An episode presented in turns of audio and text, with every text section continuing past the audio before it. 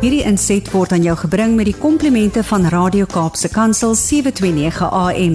Besoek ons gerus by www.cape pulpit.co.za. Dag sê almal, dit weer tyd om oor gestremdheidsake saam te gesels. Ek is Erika de Tooy. Vandag se onderwerp is belasting, veral ten opsigte van persone met gestremthede.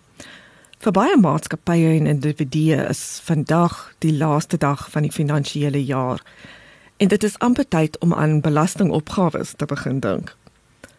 Baie persone met beperkings of gestremthede is onbewus daarvan dat hulle van hul uitgawes by die SA Inkomste Diens kan eis ingevolge artikel 6B van die Inkomstebelastingwet 1962.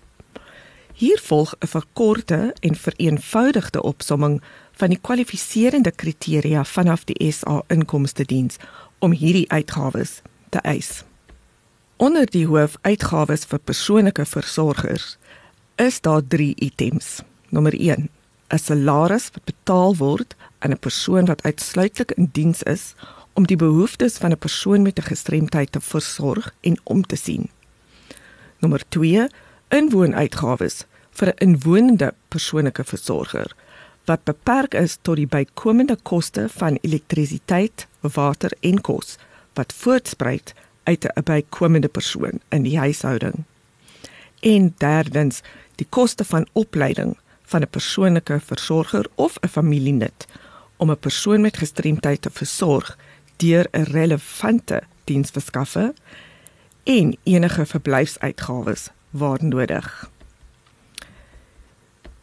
Die tweede opskrif is reis en vervoer wat ook 3 items het. Nommer 1: reisuitgawes aangegaan en betaal deur die belastingbetaler om kwalifiserende goedere of dienste onder hierdie lys te bekom, insluitend die instandhouding van daardie goedere.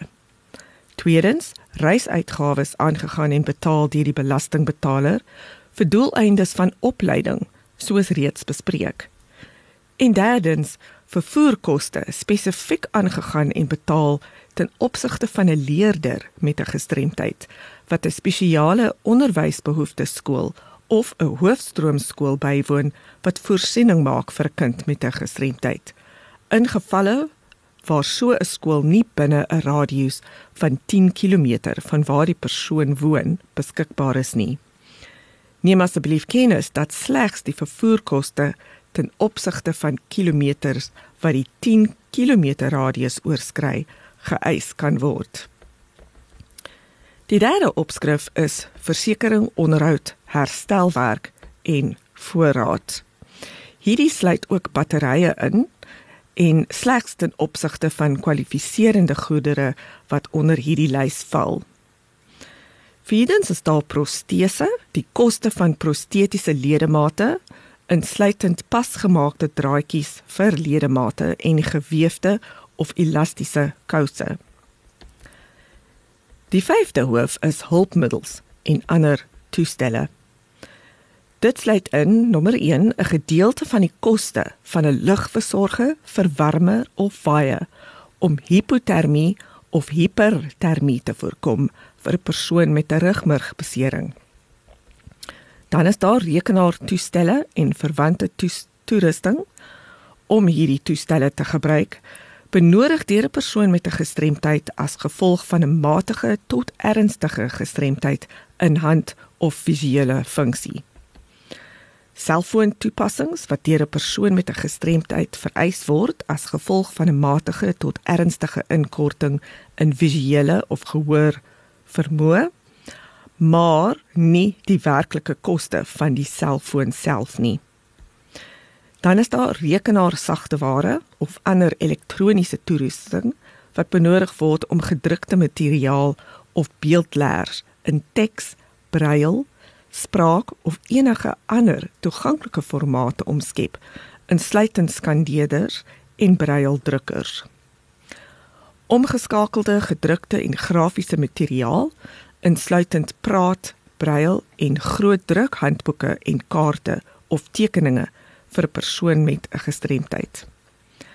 Beskermde toerusting, byvoorbeeld helms, wat deur persone met epilepsie gebruik word om beserings te voorkom, veral kopbeserings tydens toevalle.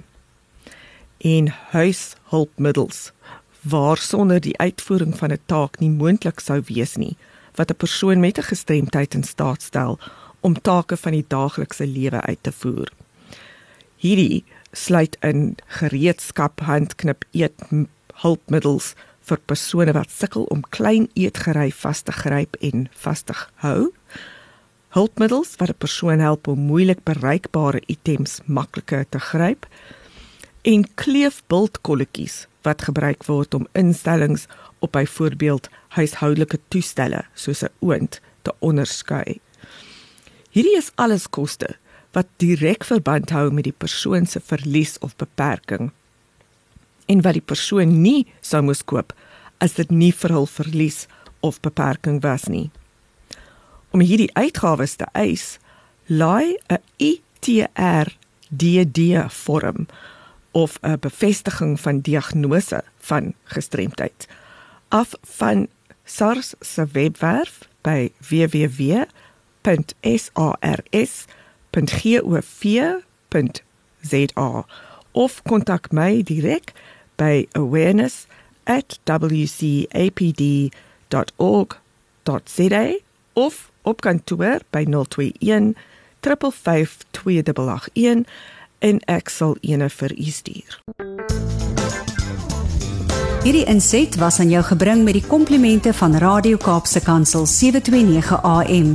Besoek ons gerus by www.cape pulpit.co.za.